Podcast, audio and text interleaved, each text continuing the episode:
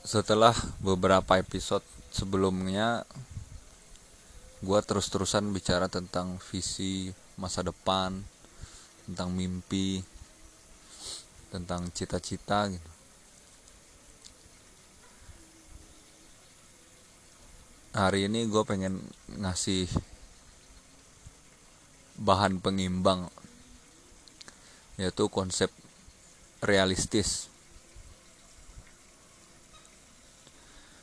kenapa perlu konsep realistis itu? Karena ya di dunia ini tuh pasti ada cobaan gitu. Ketika lu punya cita-cita menjadi perbisnis besar gitu maka lu bakal menghadapi realita bisnis ini gak gampang satu. Terus yang kedua bisnis itu selalu ada potensi gagal. Itu dua. Yang ketiga itu bisnis itu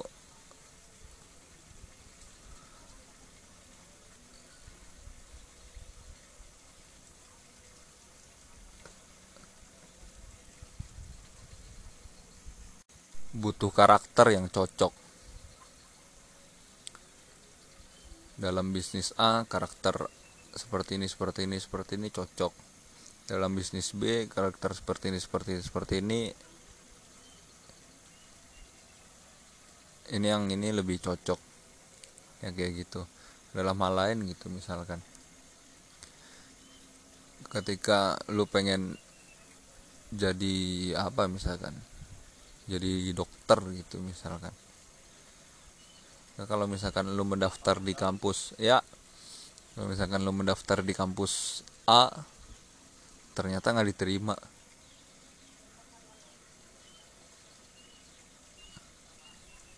Maka ada pilihan-pilihan lain kampus B, C, D, E, F, G dan lain-lain.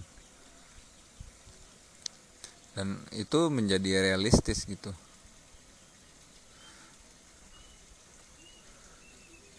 kalau ternyata lu nggak berkesempatan ada di kampus A maka lo harus terima itu sebagai bagian pahit dari sebuah cobaan.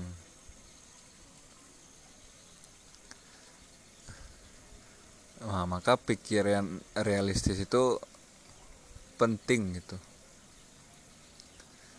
Jangan tentang visi tentang cita-cita mau jadi dokter muluk-muluk yang kayak oh harus dari UI gitu. Kan nggak juga kalau mau jadi dokter bisa dari Trisakti gitu misalkan. Atau dari kampus Unan gitu. Atau dari mana lah gitu terserah. Nggak mesti harus UI kan karena cita-citanya mau jadi dokter. Nah itu bagian realistisnya. Nah mungkin itu salah satu contoh aja maka berpikiran realistis itu menjadi penting. Karena realistis itu yang akan membuat strategi. Realistis itu kita melihat ke dalam diri sendiri dan melihat keluar. Di dalam diri sendiri ini kita kenali potensi kita seperti apa keilmuan kita seperti apa apa yang kurang dalam diri kita karakter-karakter apa yang kita butuhkan untuk mencapai cita-cita tersebut gitu maka dari sifat realistis itu akan memetakan hal-hal yang kayak gitu. Dan membuat rencana plan A B C D gitu kan. Kalau misalkan ini ternyata nggak berhasil ya boleh bersedih gitu. Sedih itu manusiawi gitu. Tapi sikap realistis itu yang bikin kita punya strategi yang cukup gitu. Ya kan Nah, gimana cara kita menilai yang keluar gitu? Ya, misalkan kayak tadi, apakah yang mendaftar sekian ratus ribu yang diterima 15 gitu. Nah, itu kan faktor dari luar gitu. Misalkan lu hidup di lingkungan yang seperti apa ya kan ketika lu punya konsep seperti apa apakah itu akan cocok gitu. Ya analisisnya kayak gitu. Analisis realistis. Mungkin kalau metode-metode metode-metode apa namanya metode-metode realistis itu banyak. Ada namanya analisis SWOT. Ya kan? SWOT itu strength. W itu weakness O nya opportunity. T nya threat gitu. Dua yang pertama itu kita menilai dari dalam. Dua yang terakhir itu kita menilai tentang yang ada di luar. Strength kita apa kekuatan kita seperti apa kemampuan kita ini sanggup di bidang apa-apa aja weakness kita apa kelemahan itu apa ya kan? Gimana cara menutupi kelemahan-kelemahan tersebut ya kan? Opportunity itu ya kesempatan dari luar. Di luar ini kondisinya kayak gimana? Peluang-peluang apa aja? Masyarakat ini butuh yang seperti apa? Dan lain-lain. Dan ancaman threat. Ancaman itu ya ya gitu. Kira-kira kalau gue bertindak seperti ini ancamannya seperti apa? Potensi pasar ini bisa menerima atau enggak atau ada gerombolan-gerombolan culas yang mengintai lu dan lain-lain dan lain-lain.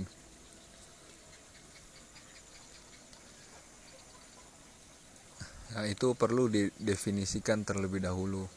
Karena itu bagian dari bersikap realistis gitu. Maka realistis yang benar itu realistis yang bisa menciptakan atau membentuk strategi-strategi tertentu gitu punya strategi dan strateginya ini berlapis gitu ya kan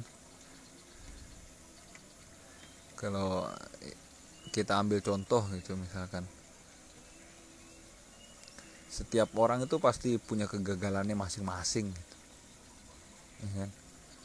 dan memaintain kegagalan itu itu salah satu sikap realistis juga ternyata gue gagal bisnis ini. Maka ada ada backup plannya gitu. Tapi intinya lu tetap pengen coba jadi jadi jadi jadi seorang bisnismen nah itu yang strateginya tuh diciptakan itu didasarkan dari landasan-landasan yang realistis. Maka antara antara idealis dan realistis itu sebenarnya nggak menurut gua ya menurut gua nggak nggak saling bertabrakan gitu. Justru itu harusnya jadi sikap yang saling melengkapi gitu. Karena orang yang realistis super realistis pun sebenarnya di dalam hatinya dia punya punya harapan juga.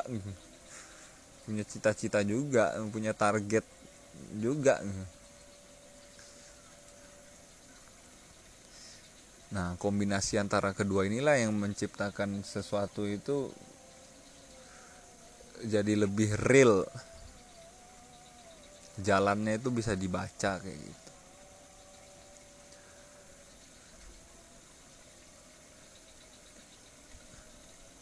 ya mungkin kayak gitu aja.